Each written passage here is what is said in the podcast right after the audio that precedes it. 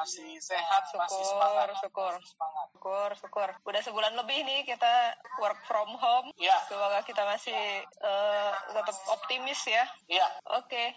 Kak, aku tadi udah pembukaan tentang teleconsultation ini. Aku sengaja mau ngobrolnya tuh sama Kak Mario karena yang aku tahu kalau kakak kan udah dari sebelum COVID-19 ini juga kakak kan udah mulai kan eh, teleconsultation itu kan. Jadi Iya. malam ini tuh aku mau sharing-sharing lah. Karena aku baru banget nih di bidang teleconsultation ini aku baru banget. Paling aku baru belum sebulan kayaknya. Dan banyak yang mau aku bagikan, banyak yang ingin aku tanyakan soal eh, teleconsultation ini. Oke kak? iya dengan senang hati dokter.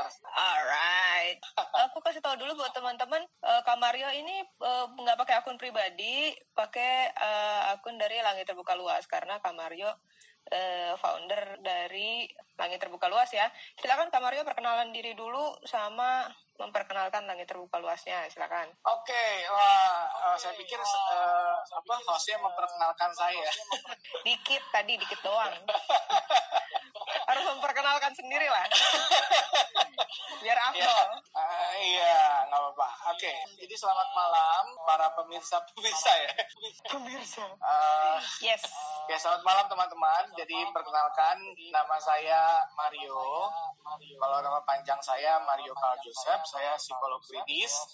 Kemudian sebenarnya saya juga praktek secara pribadi di klinik MS Wellbeing di daerah Tebet. Nah, kemudian bersama dengan teman-teman kami eh, apa ya berinisiatif untuk membuat sesuatu komunitas. itu tahun 2018 di awal mula terbentuknya itu tahun 2018 Eh, komunitas itu namanya Langit Terbuka Luas. Nah Langit Terbuka Luas ini adalah se- sebuah komunitas yang isinya itu dari berbagai latar belakang. Jadi saya sendiri psikolog klinis, kemudian juga ada dokter, kemudian kebetulan dokter Sandra juga eh, bersama kami aktif di komunitas tersebut. Lalu ada juga apa yang punya latar belakang ekonomi, kemudian eh, entertainment, banyak sekali kayak gitu. Nah, eh, beberapa kegiatan kami itu antara lain kita menyelenggarakan kegiatan, kemudian kita kegiatan yang sifatnya seminar, lalu ada pelatihan, talk show, gitu kan. Nah, kemudian kita juga membuat eh, sebuah support group eh, untuk eh, beberapa isu seperti kekerasan dalam rumah tangga, kemudian adiksi terhadap narkoba, kemudian dan kegiatan-kegiatan sosial lainnya, bakti sosial di panti asuhan, panti jompo dan sebagainya. Jadi sebenarnya ke komunitas langit terbuka luas ini lebih ke apa ya media untuk kami yang untuk berasal dari latar belakang yang berbeda-beda untuk berkontribusi kepada bangsa dan negara. Oke, oke. Kira-kira seperti itu. Oke. Ya, itu teman tadi perkenalan dari Kak Mario ya. Jadi beliau ini Kak, aku tanya lagi, eh, Kakak udah jadi psikolog, udah sejak tahun berapa ya psikolog klinis? Kalau sebagai psikolog klinis itu eh, baru sebenarnya dari tahun 2018.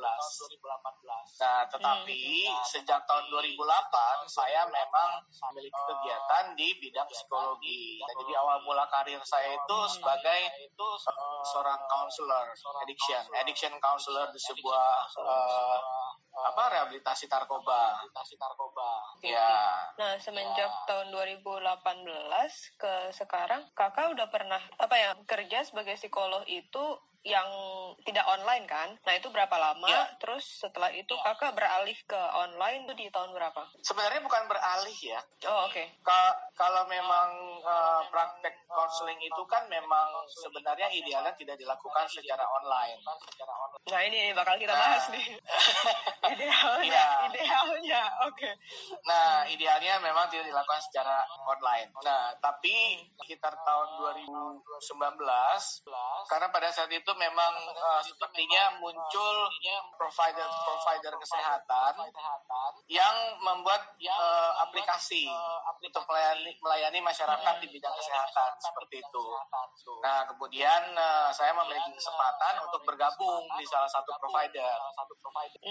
Nah, jadi di situ di di situ kita para psikolog itu memberikan pelayanan atau jasa yang sekarang di, dikenal sebagai telekonseling. Nah, tetapi saya sendiri melihat pa, pada waktu itu uh, yang kami berikan itu setidaknya saya pribadi ya itu hanya sebatas konsultasi saja.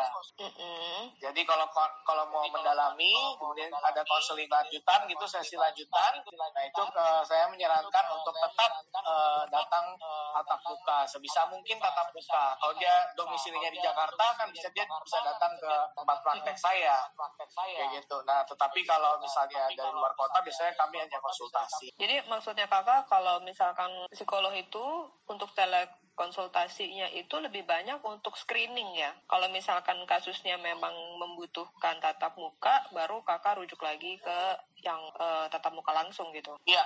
Atau memang ya. sebenarnya ada konsultasi, kon, uh, ada konsultasi-konsultasi yang memang bisa uh, cukup via online aja. Iya, untuk kasus-kasus yang ringan sebenarnya cukup cukup dengan telekonseling gitu, telekonsultasi hmm. kayak gitu. Hmm. Tapi kalau memang sepertinya uh, butuh tindak lanjut, ya mungkin kita bisa menyarankan uh, klien untuk uh, sesi tatap muka. Nah, waktu itu tuh kakak kenapa akhirnya tertarik atau uh, istilahnya ada keyakinan lah kalau misalkan kakak udah menjalani telekonseling sekarang kan berarti paling tidak kakak ada keyakinan kan bahwa telekonseling ini bukan berarti tidak bermanfaat sama sekali gitu loh. Nah waktu itu tuh pertimbangannya kakak apa? E, yakin bahwa telekonsultasi ini bisa menjadi salah satu solusi. Iya, terkait dengan masalah kesehatan jiwa, sebenarnya semua orang kan memang punya potensi untuk itu kan, untuk mengalami e, masalah terhadap kesehatan jiwa kayak gitu. Contoh aja stres, stres itu kan suatu masalah cuma derajatnya mungkin ringan.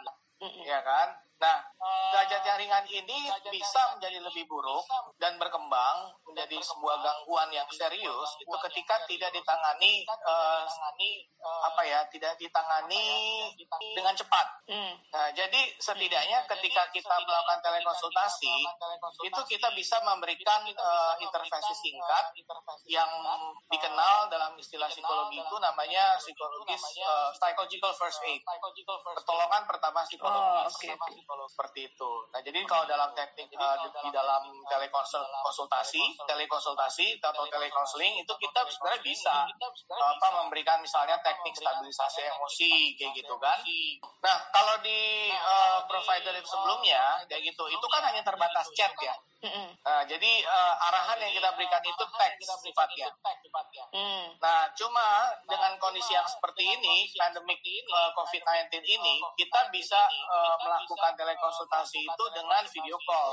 Oh, Oke. Okay. Nah, jadi kualitas dari dari pelayanannya itu meningkat. lebih yang lagi tadinya ya. iya ya, yang tadinya iya, teks nah sekarang sudah bisa dengan video call seperti itu kan? Mm, mm, mm, nah ketika kita memberikan eh, misalnya pelatihan pelatihan teknik relaksasi atau stabilisasi emosi lainnya yang sederhana nah itu klien itu bisa dengan lebih apa ya lebih mudah untuk melihat bagaimana kita melakukan. itu kita harus mentransfer ilmu itu kan? ilmu itu kan jadi kalau iya, teks iya, itu kan agak sulit. Hmm, hmm, hmm. Benar benar benar. Nah, Kayak itu, misalkan kemudian, kakak mau ngajarin mau ngajarin apa ya misalkan metode tapping gitu ya. Itu kan nggak bisa ya, ya kalau dijelasin ya. pakai kata-kata ya. Kalau gambar eh pakai video gini kan lebih cepat ya. Iya, itu okay. pertama. Nah, kemudian juga nah, kemudian uh, kalau kita melakukan uh, apa ya uh, telekonseling dengan video call seperti itu, kita bisa lebih apa ya valid ketika melakukan observasi perilaku atau memvalidasi emosi kayak gitu kan. Oh. Misalnya misalnya uh, ketika seseorang itu me, apa mengatakan bahwa oh saya merasa sedih kayak gitu kan. Nah, ekspresinya itu kan kita bisa lihat apakah sesuai. Hmm, hmm, hmm, hmm. benar ya. benar. Iya. Iya, iya. Karena aku gini Kak, aku sambil sharing ya. uh, kakak kan udah lebih lama ya di telekonsultasi kan aku baru uh, belum satu bulan. Nah, aku awalnya masuk di kerjaan telekonsultasi ini, bahkan aku sekarang benar-benar full, 100% aku di telekonsultasi. Enggak ada praktekan lain yang aku uh, tatap muka langsung. Aku, yang aku rasa pertamanya tuh aku sebenarnya nggak terlalu gimana banget ya. Cuma karena aku membutuhkan uh, pekerjaan jadi aku uh, dan aku diterima di perusahaan ini jadi ya udah gitu aku jalanin. Cuma uh, se sebenarnya uh, aku awalnya itu nggak ada pikiran bahwa telekonsultasi ini nih tidak bisa 100% jadi solusi menurut aku. Paling tidak dia hanya bisa jadi suplemen uh, apa ya tambahan gitu. Karena kalau di kedokteran di dunia medis tadi seperti yang kakak bilang untuk banyak kasus harus diperiksa secara langsung gitu. Dan di platform yang uh, aku kerja ini ini kan benar-benar cuma bisa chat doang. Paling kalau misalkan ada tambahannya dia hanya bisa kirim gambar. Tapi nggak bisa uh, video Sementara video juga kita butuhkan seperti kakak bilang tadi untuk melihat ekspresi kan. Misalkan seberapa sakitnya dia. Kalau dia bilang sakit kepala gitu, kita melihat ekspresinya, kita bisa mengira-ngira dia sakitnya seberapa parah gitu. Tapi kalau misal, tapi bedanya menurut aku kalau misalkan di uh, psikologi uh, ini bagus untuk psychological first aid ya tadi kakak bilang ya. Teleconsultation yeah. di dunia psikologi yeah. itu bagus untuk psychological first aid. Tapi kalau di telemedicine di kedokteran, kita justru nggak bisa melaksanakan first aid-nya lewat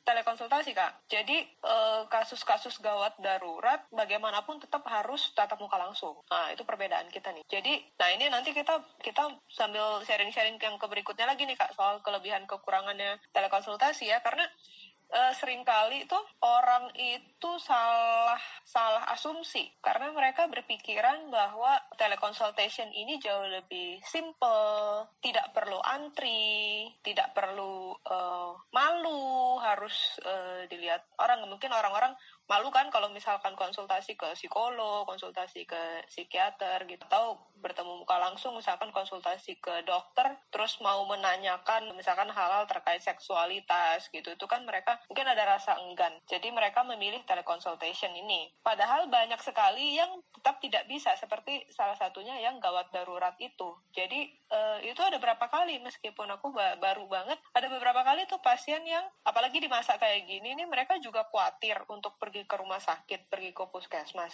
Jadi malah salah sasaran gitu loh kak. Kalau kasusnya gawat darurat kan kita maunya mereka segera ya langsung pergi ke UGD, jangan ditunda-tunda lagi gitu. Bahkan lebih idealnya lagi kan mereka tahu uh, first aid untuk menolong keluarganya sendiri. Gitu. Tapi ini malah jadi dimundurkan lagi, jadi tertunda lagi karena mereka lebih memilih untuk chat dokter dulu gitu. Memang antrian tidak panjang, tapi ini kan menunda menunda waktu yang seharusnya bisa dipakai untuk menyelesaikan uh, kasus gawat darurat yaitu kalau seandainya dia segera PGD. Gitu. Jadi aku rasa itu itu uh, perbedaannya, tapi persamaannya adalah ya satu kita nggak bisa ngelihat nggak bisa ngelihat uh, ekspresi ekspresi pasiennya itu ya wishes itu penting banget buat kita dan terutama kalau menurut aku kalau di psikologi itu penting nggak sih kak mendengar intonasi dari pasien, terus apa ya bahasa tubuh dari pasien gitu. Nah ini kan nggak bisa di nggak bisa dengan uh, sulit ya, istilahnya sulit lah, lebih sulit kalau dengan telekonsultasi. Uh, menurut kakak apa hambatan-hambatan telekonsultasi ini dibanding kalau tatap muka langsung? Oke, jadi sebelum saya menjawab yang itu ya, sebelum, sebelum kita berdiskusi hmm. mengenai hambatan segala macam, jadi hmm. telekonsultasi ini kan ada dua macam. Dia bisa dilakukan melalui teks hmm atau dengan video call. Hmm. Nah seperti itu kan. Jadi nanti tinggal tinggal diatur aja nanti sistemnya mau bagaimana kan kayak gitu kan. Apakah cukup dengan teks atau juga menyediakan apa namanya fasilitas untuk video call juga kayak gitu. Tapi kakak lebih suka yang video call dong ya. Menurut kakak lebih lebih memudahkan. Ya, itu sih situasional ya, situasional oh, kayak okay. gitu. Iya, tergantung apa ya, yang usernya kayak gitu misalnya. Kalau saya ini kan sebenarnya rekanan, hmm. ya kan. Jadi kalau misalnya yang disediakan hanya uh, teks ya kita sebisa mungkin mengoptimalkan layanan melalui teks kayak gitu. Nah, ketika ketika perlu dilakukan sesi selanjutnya dengan metode yang berbeda, ya balik-balik lagi kita hanya sifatnya memberikan saran kan kayak gitu kan, seperti itu. Nah, saya pikir itu pun juga akan uh, berlaku sama dengan apa yang dilakukan teman-teman dokter gitu di kesehatan kayak gitu kan. Ada hal-hal yang bisa dilakukan melalui teks, itu ada hal-hal yang memang apa perlu tatap muka kayak gitu kan atau atau video call kayak gitu kan. Nah atau uh, langsung di, dirujuk ke misalnya puskesmas terdekat misalnya kan kayak gitu kalau dia ada rumah sakit kayak gitu. Nah tapi jadi kalau aku memang pernah nih hambatan, kak aku pernah hambat- eh, ny- nyobain telekonsultasi psikologi ya. Waktu itu dengan salah satu aplikasi. Memang sih setelah dua kali atau tiga kali sesi gitu. Terus eh, psikolognya itu merasa bahwa kasusku ini butuh tatap muka langsung gitu. Jadi eh, dia menyarankan untuk permasalahan yang itu silahkan eh, tatap muka langsung gitu. Jadi dia hanya kayak mengambil seporsi dari eh, permasalahanku gitu yang bisa dia yang bisa dia atasi secara online. Tapi itu aja itu menurut aku udah bahkan menurut aku jauh lebih membantu daripada tatap muka langsung kak. Sorry itu saya Iya. nih karena aku ngerasa pertama aku lebih nyaman dengan chat. Waktu itu cuma chat aja. Aku lebih aku merasa aku lebih nyaman dengan chat. Karena aku ada ketidaknyamanan kalau harus istilahnya langsung bercerita dengan eh, orang yang tidak aku kenal dengan tatap muka langsung gitu. Aku tidak nyaman. Jadi itu dengan chat aku merasa jauh lebih nyaman. Terus psikolognya ini juga eh, keren dia kak. Jadi dia eh, memberi aku banyak link-link bahan-bahan bacaan untuk aku bisa eh, pelajarin dan aku bisa eh, latih di rumah. Yang mana itu aku tidak dapatkan pada saat aku konsultasi ke psikolog secara langsung gitu. Dan ini terkait sama masalah biaya juga ya kak. Karena eh, tatap muka langsung sama psikolog itu 10 kali lipatnya harganya kak. Dengan dengan jumlah waktu yang sama. Jadi aku sih ngerasa yang yang dengan chat itu aja tuh asal kalau psikolognya apa ya asertif terus dia eh, informatif gitu aku rasa udah cukup banyak yang yang bisa didapatkan gitu. Iya betul sekali dokter. Jadi memang baik-baik lagi tergantung individu masing-masing ya. Itu ada orang yang dia eh, seperti yang tadi dokter sampaikan, ada yang dia butuh waktu lebih lama untuk eh, merasa nyaman gitu dan eh, percaya dengan dengan terapisnya gitu kan atau psikolog gitu kan. Ada orang-orang yang dengan apa ya cepat bisa beradaptasi, menyesuaikan diri, kemudian menceritakan permasalahan-permasalahan atau keluhan-keluhan yang ia alami, kayak gitu. Nah, jadi memang itu tergantung individu masing-masing. Tetapi eh, dalam konteks ini karena kebetulan saat ini kita eh, mengalami bencana ya, bencana ya. Hmm. Nah, kemudian eh, bukan kalau saya- pilihan ya ini kak ya nggak ada pilihan banyak ya karena physical distancing kan. iya itu dia Iya, karena physical Mau nggak mau, distancing, kita uh, mau nggak distancing mau mau ya. mau, iya. Dan uh, apa ya, uh, prevalensi akan masalah kesehatan jiwa ini kan cenderung meningkat. Meningkat. betul betul Iya kan, seperti itu. Dan terakhir itu uh, Himpunan Psikologi Indonesia itu uh, turut hadir dalam rapat koordinasi bersama Presiden Bapak Jokowi, kemudian membahas permasalahan-permasalahan. Saya tidak me- mewakili Himpunan Psikologi Indonesia ya, tapi tapi ini informasi saja kepada masyarakat bahwa kita harus bekerja sama, kemudian memperhatikan uh, kesehatan fisik dan kesehatan mental kita juga gitu. Karena ini dua hal yang maling, yang saling tergantung satu sama lain. Ya, misalnya sebagai contoh gini, Iya, ketika kita ketika kita mengalami suatu uh, kondisi stres, ya, ini kan akan mempengaruhi sistem kekebalan tubuh kita. Nah, ketika sistem kekebalan tubuh ini menurun, ya tentu saja kita akan berpotensi terserang virus. Nah, jadi hal-hal seperti itu yang yang yang kita mesti waspadai gitu kan. Belum lagi kita berbicara tentang kelompok-kelompok rentan yang ada di masyarakat. Mm. Ya kan, misalnya eh, ibu hamil, ya kan, kemudian orang tua, anak-anak, ya kan, Iya, kemudian disabilitas, ya kan, Ya, mereka memiliki disabilitas. Nah, itu kan kelompok-kelompok yang yang dengan situasi seperti ini akan sangat membutuhkan segala bentuk layanan yang, yang terkait dengan kesehatan dan psikologis. Nah, jadi menurut saya telekons telekonseling ini adalah tetap salah satu solusi yang bisa diberikan kepada masyarakat untuk melewati masa-masa krisis ini. Gitu. Setidaknya dengan adanya telekonsultasi ini, gitu, mereka akan bisa lebih cepat mendapat pendampingan yang sifatnya first aid. Iya, iya. Seperti itu. Tapi yang aku pikirkan gini juga nih kak. Uh, jadi aku dari selama tiga minggu aku kerja di teleconsultation ini, uh, yang aku rasakan adalah tetap saja yang pasien-pasien yang uh, berkonsultasi adalah pasien-pasien dengan uh, privilege gitu, pasien-pasien yang uh, ada di kota aja, yang sinyalnya bagus, yang mereka punya akses terhadap uh, aplikasi itu, yang informasi udah jauh lebih uh, banyak tentang kesehatan mental, terus tentang adanya fasilitas uh, telemedicine ini gitu. Sementara teman-teman yang di area-area uh, pinggir yang nggak, yang mungkin handphone aja mereka nggak ada, uh, kakak kan baca sendiri berita-berita bahwa anak-anak sekolah, ya anak-anak kota bisa study at home. Mereka punya handphone, mereka uh, punya laptop. Sementara yang di daerah tetap tidak bisa terjangkau dengan dengan teleconsultation ini gitu loh. Jadi uh, kembali lagi aku jadi bertanya-tanya sebenarnya siapa yang sebenarnya mau kita kita bantu gitu. Uh, permasalahan apa, gap apa yang mau kita isi? Uh, kita mau menjadi solusi untuk permasalahan apa? Karena tetap aja ini tidak bisa memeratakan pelayanan kesehatan kita gitu loh teleconsultation menurut aku. Iya memang betul dokter. Jadi tapi kan kita mesti berpikir gini untuk me mengatasi suatu masalah kita kan juga tidak bisa mengandalkan satu cara saja. Dan seperti yang tadi saya sampaikan bahwa telekonsultasi ini adalah salah satu cara yang bisa diberikan untuk mem, apa ya memperbanyak layanan-layanan baik yang sifatnya kesehatan fisik ya medis yang sifatnya medis ataupun yang bersifat psikologis kayak gitu. Nah, tetapi mengenai preventif atau hal lainnya terkait mitigasi dan sebagainya itu kan kita bisa tetap lakukan kayak gitu. Misalnya dengan uh, menyediakan poster kayak gitu kan, poster-poster misalnya bagaimana uh, menerapkan enam langkah psychological first aid gitu kan ketika berada dalam situasi krisis. Nah, itu kan bisa dikemas dalam bentuk poster kemudian bisa di, disebarluaskan di seluruh masyarakat Indonesia kan gitu. Tidak harus tidak harus seperti ini.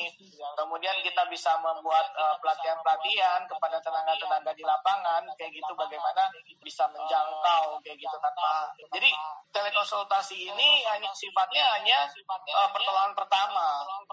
Kayak gitu. Hmm. ya memang masalah-masalah seperti yang tadi dokter sampaikan bagaimana dengan di pelosok.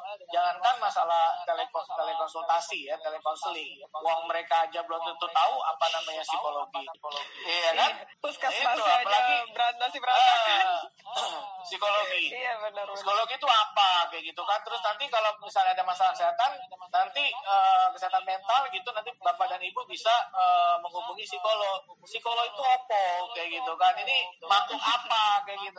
Jadi apa? Tapi kalau kita mau menunggu itu, akhirnya kita nggak melakukan apa-apa kayak gitu edukasi tetap berjalan. Ya, edukasi tetap berjalan, tapi layanan-layanan yang sifatnya praktis, terus efisien, kayak gitu kan. Nah, itu tetap harus tetap harus dilakukan kayak gitu. Iya, iya, Kak. Terus kita lanjut lagi nih ke pembahasan soal kelebihannya teleconsultation, hambatan, terus perbedaannya lah antara consultation yang tatap muka dengan yang tele nih. Karena menurut aku ini benar-benar beda, Kak. Kalau kalau dari aku ya, kalau dari aku ini benar-benar beda.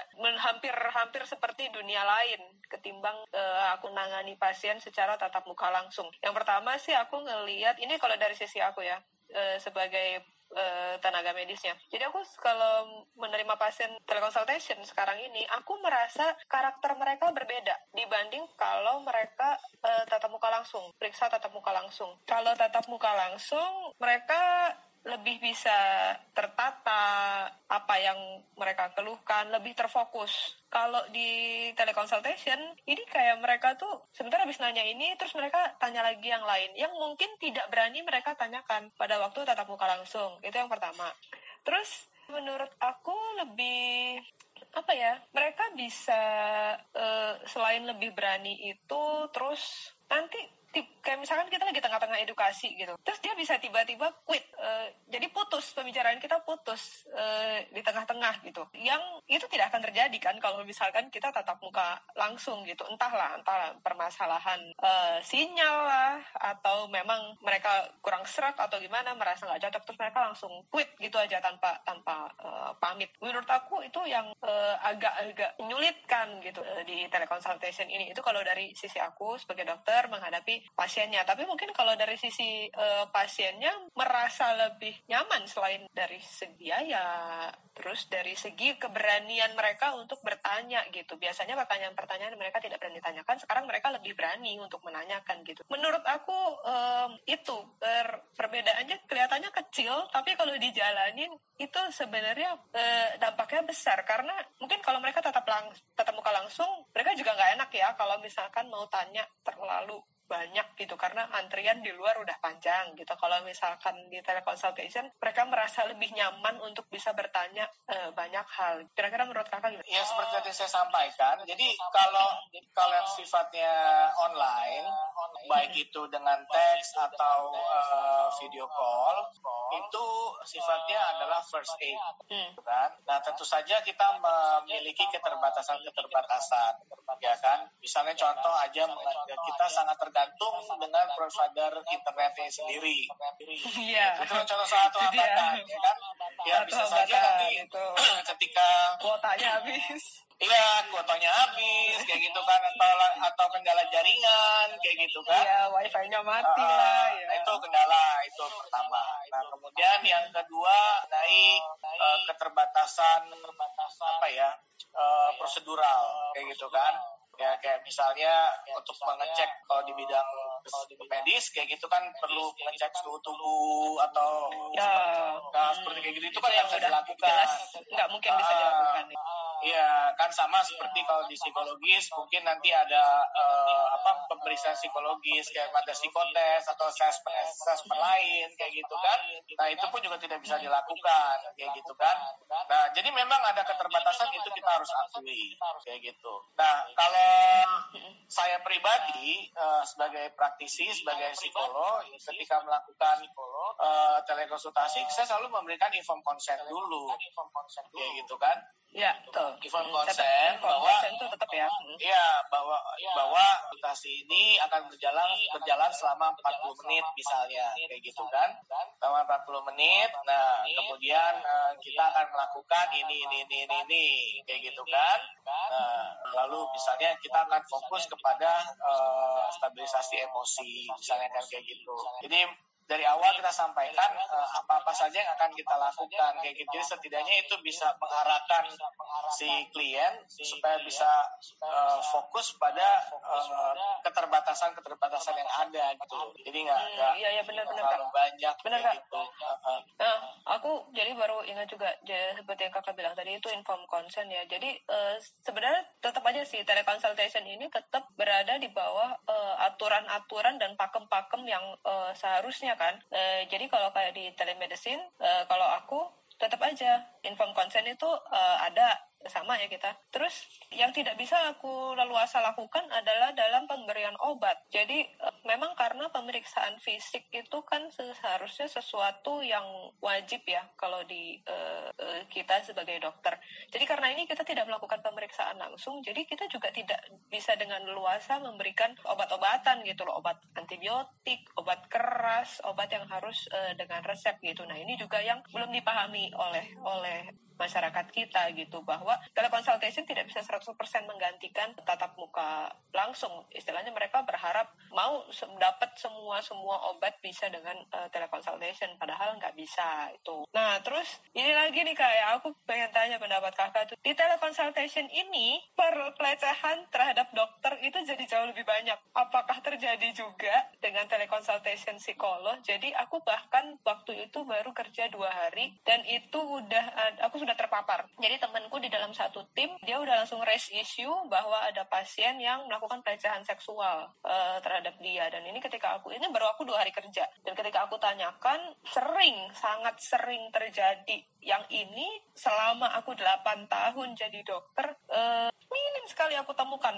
selama aku kerja untuk tatap muka langsung ya tapi begitu ini jadi teleconsultation pelecehan seksual ini nih banyak sekali gitu kak uh, dan menurut aku ini uh, isu juga. Kalau di psikologi teleconsultation psikologi gimana kak? Kalau saya pribadi sampai sekarang belum pernah mengalami yang apa yang disampaikan dokter hmm. tadi ya seperti itu. Dan saya juga belum pernah mendengar ada psikolog yang yang menyampaikan keluhan tersebut kayak gitu. Jadi sebagian besar hanya menyampaikan ya karena keterbatasan keterbatasan telekonsultasi itu sendiri kayak gitu kan.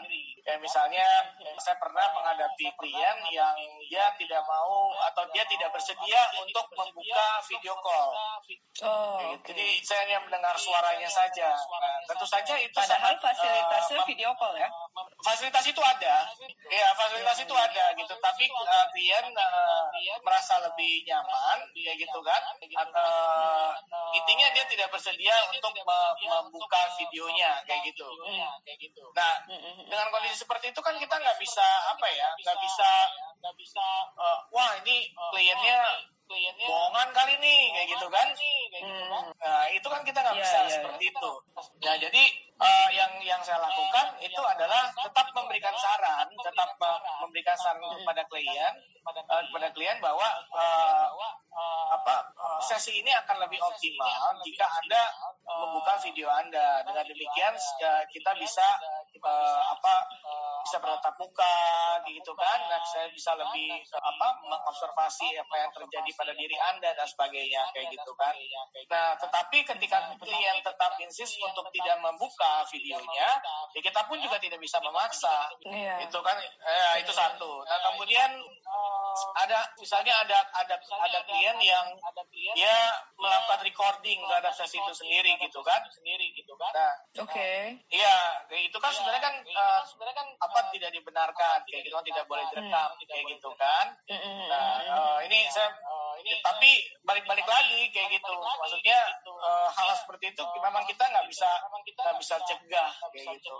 nggak bisa kita iya, hindari lah. persoalan teknologi ya. Ya, ya jadi nah, sama-sama terjadi seperti yang ke Mario bilang. Uh, jadi persoalan identitas ini juga jadi agak tricky agak ribet sedikit nih di bidang uh, telemedicine. Kalau aku di kedokteran ya karena kita nggak ngelihat muka orangnya. Terus kan kita nggak tahu ya identitas yang dia munculkan di situ. Namanya aja kadang nama alay gitu kan. Terus umurnya. Kita nggak tahu lah ini dia umur beneran apa enggak ya. Kan sementara kalau misalkan kita tatap muka langsung aja pasien masih banyak yang tidak jujur dengan keluhan-keluhan mereka. Nah ini dengan teleconsultation identitas ke keaslian identitas ini ini juga juga suatu uh, permasalahan kalau aku sama seperti Mario bilang. Iya, tetapi kan kita kan melakukan melakukan uh, intervensi itu sesuai dengan data yang kita miliki. Kalau terjadi iya. uh, apa namanya pemalsuan data yang tidak dilakukan oleh kita itu kan bukan bukan bukan masalahnya bukan di kita kan kayak gitu kan kayak gitu kan nah iya, jadi kita tadi kalau misalkan kakak mau menjawab yang itu tadi oh, yang dokter okay. sampaikan kayak gitu kan kayak kalau misalnya me menghadapi atau mengalami yang tadi uh, seperti pelecehan apa segala macam saya pikir kita sebagai uh, tenaga profesional ya tetap harus berlaku dan bersikap secara profesional kayak gitu kan kayak gitu iya uh, tapi kalau misalkan itu. di perusahaanku sih kak, semua data percakapan chatnya itu itu masuk ke data perusahaan. Jadi kalau kita ada melaporkan uh, ada pelecehan itu, itu ya chat itu bisa jadi bukti untuk dibawa dan dilaporkan terus gitu. Dan uh, so far sih uh, belum ada sih yang sampai naik ke ke kepolisian ya. Karena itu apa aku nggak tahu deh. Delik aduan atau uh, apa sifatnya aku nggak tahu. Tapi kalau dari perusahaan bila sudah melanggar sesuai dari guideline perusahaan ya itu jadi sekarang udah belum satu tahun kayaknya perusahaan ini berdiri, mereka udah ngeban berapa user dan itu di ban dari semua all platform, all platform yeah. dari satu perusahaan yeah. itu. Mm -mm. Jadi ya, dia udah sama kan, sekali nggak bisa pakai ya, kan, aplikasi itu sama sekali. Ya artinya kan uh, kita pun juga bisa bersikap tegas gitu kan, bisa bisa asertif kayak gitu ya. kan. Kalau seandainya terjadi hal-hal demikian kayak gitu. Demikian. Maaf, jadi kita bisa sampaikan kepada klien bahwa apa sesi ini itu akan terrecord gitu. Jadi kalau misalnya Anda tidak berlaku sopan terhadap uh, tenaga medis gitu itu Anda akan juga mengalami uh, kerugian kayak gitu. gitu. Nah ini kan yang nggak ada ya kak ya kalau di tatap muka langsung ya. Kalau, kalau, kalau, ya sama aja sih. Iya kan tatap muka kan juga seperti tapi tatap muka langsung, tatap muka. Ah, tapi tatap muka langsung tuh orangnya nggak seberani uh, di teleconsultation pertama. Terus yang kedua kita lebih susah untuk mengumpulkan bukti loh kak kalau di kalau di tatap muka langsung ya kan? Karena biasanya paling saksi cuma satu si perawat kita misalkan atau siapa yang ada di dalam ruangan tuh. Tapi kalau misalkan di teleconsultation kan ada bukti uh, nyatanya gitu. Menurut aku yeah. sih itu perbedaan yang cukup mengejutkannya tuh itu. Ya seperti itu. Jadi uh, kalaupun nanti kliennya tetap melakukan hal yang sama kayak gitu kita tinggal tegas saja Se selesaikan yeah. sesi. Nah itu kan tapi kan kita tetap ada data bahwa kita menyelesaikan sesi karena pertimbangan ini ini itu kan. seperti itu. Kan iya. Iya. Iya tuh Oke, Kak kita berikutnya tentang apa lagi nih ya? Jadi jelas ya bahwa teleconsultation ini untuk di kondisi uh, sekarang seperti pandemi ini sangat bisa menjadi solusi ya. Tapi menurut kakak nanti seandainya pandemi ini udah selesai, apa kabar nih teleconsultation ini? Apakah akan menurun lagi atau bisa makin atau mungkin nanti suatu hari nanti mengalahkan sesi tatap muka langsung atau gimana menurut kakak? Uh, terima kasih dokter ini pertanyaan yang bagus sekali ya. Jadi mengenai telekonsultasi ini tetap tetap berbeda dengan dengan dengan konseling atau sesi tatap muka. Itu itu jelas berbeda. Masing-masing punya punya kegunaannya sendiri. Nah tetapi terkait dengan pemanfaatan teknologi sebagai salah satu metode pemberian layanan saya pikir uh, telekonseling ini di, di beberapa tahun yang akan datang itu akan menjadi tren positif akan mengalami tren yang positif. Nah karena uh, pandemi ini itu merubah tatanan kehidupan manusia. manusia. Ya, merubah tatanan kehidupan manusia kayak gitu. Kita apa ya? Secara cepat secara cepat harus dihadapkan harus pada teknologi, kan? Yeah. Nah, sekarang nah, sebagai contoh, uh, pekerjaan uh, semua sudah bisa dilakukan dari rumah. dari rumah. Ya kan ternyata, ternyata oh ternyata, ternyata. nih gitu yang selama yang selama ini kita berpikir aduh nggak bisa bisa masuk ke kantor nih kayak gitu kan. Nah, ternyata bisa. Ternyata kita membuktikan bahwa iya, justru justru sepertinya kalau di rumah kita malah tambah sibuk gitu kan. Tambah sibuk gitu kan. Iya, lebih produktif.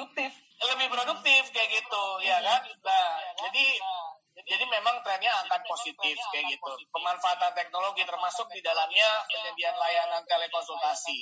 Seperti itu. Akan akan sangat positif.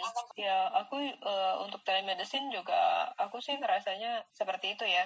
Bahwa pandemi ini nih istilahnya secara cepat mengembangkan uh, layanan ini, layanan uh, telemedicine ini ya tapi bukan untuk menggantikan pelayanan dokter uh, secara langsung. Kita, uh, aku selalu menganggap bahwa telemedicine ini uh, adalah support untuk support teman-teman sejawat kita yang memberikan layanan secara tatap muka langsung dan kita memberikan layanan kepada pasien-pasien yang tidak terlayani oleh mereka. Karena permasalahan di Indonesia kan perbandingan antara dokter sama pasien itu udah sangat-sangat tidak berimbang kalau mengandalkan uh, tatap muka langsung akan sangat banyak sekali pasien-pasien yang tidak terlayani dan terbukti dengan aku di teleconsultation ini banyak sekali pasien yang istilahnya hanya sekedar bertanya, hanya sekedar memastikan apakah yang saya lakukan di rumah ini sudah benar, apakah uh, diet saya sudah benar, apakah pola tidur saya seperti ini sudah benar. Jadi istilahnya mereka menanyakan hal-hal yang uh, tidak bisa mereka tanyakan karena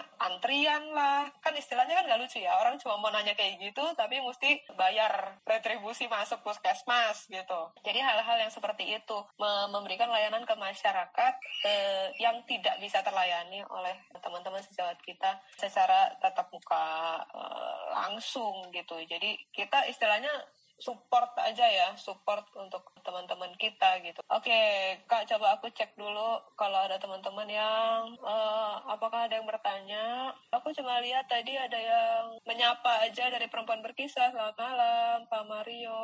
Selamat malam. Medical Health Life. Langit terbuka luas. Ya, betul. Jadi Kak Mario dari Langit Terbuka Luas. Oh, langit okay. terbuka luasnya itu disambung ya? Tidak. Disambung ya? oh iya, ini tadi salah ejaannya dari Medical Health Life. Langit terbuka luasnya disambung semua ya. Silahkan di follow Instagram tim. Oke, okay, tidak ada yang bertanya. Kak, Kak ada uh, kayaknya kita eh sisa lima menit lagi kayak Kak. Ya, itu saya mau sedikit kata-kata berkomentar mengenai ya. ini ya. Mengenai ini ya. Kita mungkin agak sedikit menyimpang dari topik ya mengenai artificial intelligence kayak gitu kan. jadi ya, bahwa benar, benar. jadi kehadiran teknologi itu akan menggantikan uh, keberadaan manusia. Saya pikir tidak tidak tidak tidak tidak sepenuhnya tepat juga ya kayak gitu kan. Uh, tetap tetap keberadaan manusia itu fungsi manusia itu uh, memiliki perannya tersendiri kayak gitu dalam dalam teknologi kayak gitu. Bahwa teknologi dihadirkan untuk mempermudah pekerjaan-pekerjaan manusia iya. Manusia iya nah tetapi tidak menggantikan kayak gitu secara secara esensinya ya kayak hmm. gitu ya. Nah.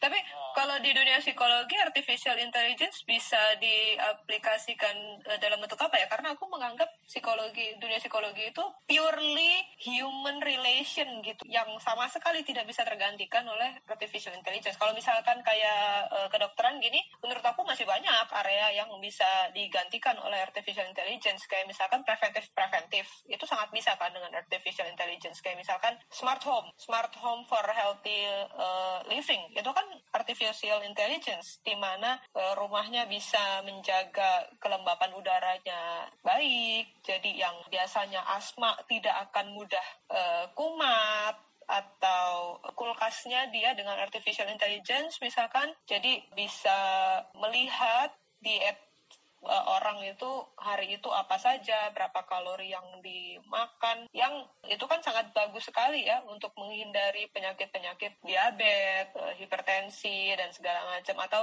dispensernya ada smart uh, ada artificial intelligence-nya jadi sudah hitung berapa jumlah air yang diminum hari itu. Jadi menurut aku kalau di kedokteran sih banyak banyak yang bisa digantikan oleh artificial intelligence. Cuma layanan dokter pasiennya memang tidak bisa 100% digantikan. Cuma ada bagian-bagian yang yang bisa.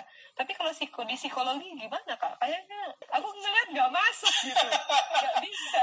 Ya kalau saya kalau kalau psikologi itu kan sebenarnya kan tidak selalu berbicara mengenai klinis ya. Oh. ya jadi ada industri dan organisasi kayak gitu kan. Mm -hmm. nah kemudian juga ada namanya uh, uh, forensic psychology, ya kan?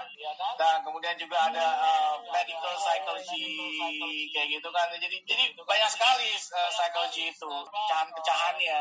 Ya, untuk ya. untuk ini masih, pikir masih memungkinkan ya. Masih ada sangat memungkinkan. Ya.